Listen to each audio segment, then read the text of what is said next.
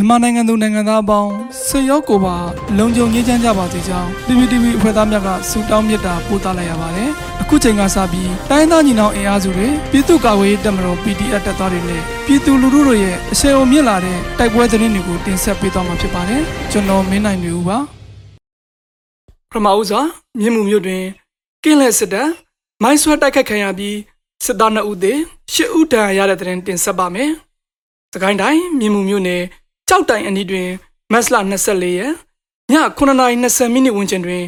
ကင်းလှည့်လာတဲ့အကြမ်းဖက်စစ်ကောင်စီဝင်90ခန့်မိုင်းဆွဲတိုက်ခိုက်ခံရပြီး2ဦးသေက10ဦးဒဏ်ရာရသွားကြောင်းမိုင်းဆွဲခံရပြီးတဲ့နောက်အကြမ်းဖက်စစ်ကောင်စီတပ်များရဲ့ရန်တမ်းပစ်ခတ်မှုကြောင့်စိတ်ဝေဒနာရှင်ပြည်သူတအူးထိခိုက်ဒဏ်ရာရရှိခဲ့ကြောင်း Night Commander MNU အဖွဲ့ထံမှသိရှိရပါတယ်။အဆိုပါတိုက်ခိုက်မှုကိုစကိုင်းခရိုင်တရင်တမြောင်မြို့နယ်တော်လန်ရေးတန် MRA Germany Revolution for ပျောက်ကြားအဖွဲ့ Night Commander တပ်ဖွဲ့မဟာမိတ်ညီနောင်လေးဖွဲ့ပူးပေါင်းကတိုက်ခိုက်ခဲ့ခြင်းဖြစ်ပါတယ်။တိုက်ခိုက်မှုအပြီးတွင်ပြည်သူ့ကာကွယ်ရေးတပ်ဖွဲ့များအထူးကိမရှိ ပြန်လည်ဆုတ်ခွာနိုင်ခဲ့ကြောင်းတော်လန်ရေးရဲဘော်များထံမှသိရှိရပါတယ်။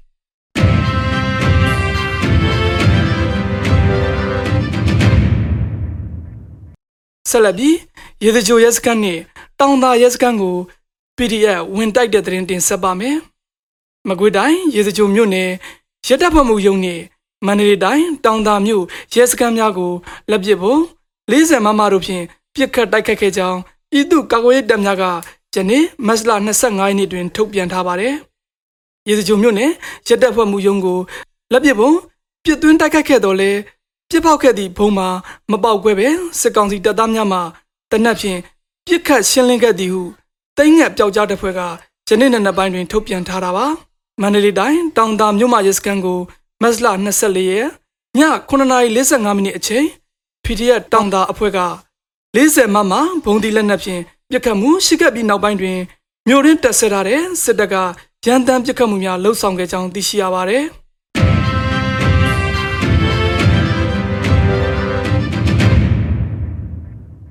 ကြောက်ဆယ်စမှုစုံတင်နယ်မြေရဲစခန်းကို ကြောက်ဆယ်နဂနီတပ်ဖွဲ့ဝင်ရောက်ပစ်ခတ်ရဲစနအုပ်သေဆုံးခဲ့တယ်ဆိုတဲ့သတင်းဆက်လက်တင်ဆက်ပါမယ်။မန္တလေးတိုင်းကြောက်ဆယ်စမှုစုံတင်နယ်မြေရဲစခန်းကိုဒီနေ့မတ်လ25ရက်နနက်3နာရီခွဲတွင်ကြောက်ဆယ်နဂရီပျောက်ကြားတပ်ဖွဲ့ကဝင်ရောက်ပစ်ခတ်ခဲ့ပြီးစကန်တွင်ရှိရဲစနအုပ်ကိုတုတ်တင်နိုင်ခဲ့ကြောင်းနဂနီပျောက်ကြားတပ်ဖွဲ့ကသတင်းထုတ်ပြန်ထားပါတယ်။ပစ်ခတ်ပြီးနောက်ပျောက်ကြားတပ်ဖွဲ့များအထိကိမရှိစုခွာနိုင်ခဲ့ကြောင်းနှင့်ယခုပြစ်ခတ်တိုက်ခတ်ခြင်းသည် စိတ်ကျမ်းမာရေးချို့တက်နေတဲ့ကလေးငယ်တအုပ်ကိုရရဆက်ဆက်တပ်ဖြတ်ခဲ့ခြင်းအတွက်တွေးချွေးပြန်တောင်းခြင်းဖြစ်ကြောင်းကြောက်စံနဂနီအဖွဲ့ကဆိုပါတယ်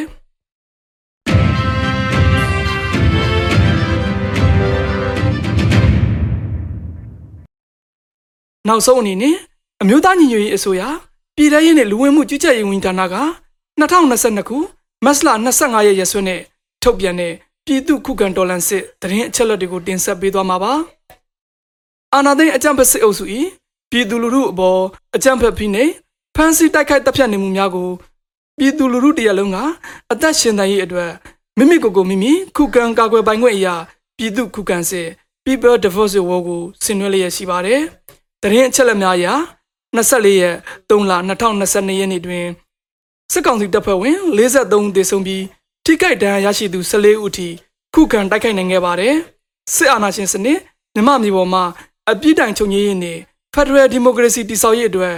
ငြိမ်းချမ်းစွာဆန္ဒပြသည့်လူလူတပိတ်တိုက်ပွဲများကပြည်내နဲ့တိုင်းဒေသကြီးများမှာဖြစ်ပွားပေါ်ပေါက်လျက်ရှိပါတယ်။မြေပြင်မှာယခုတွေ့ရှိရတဲ့သတင်းအချက်အလက်များထက်ပို၍ဖြစ်ပွားနိုင်ပါတယ်ခင်ဗျာ။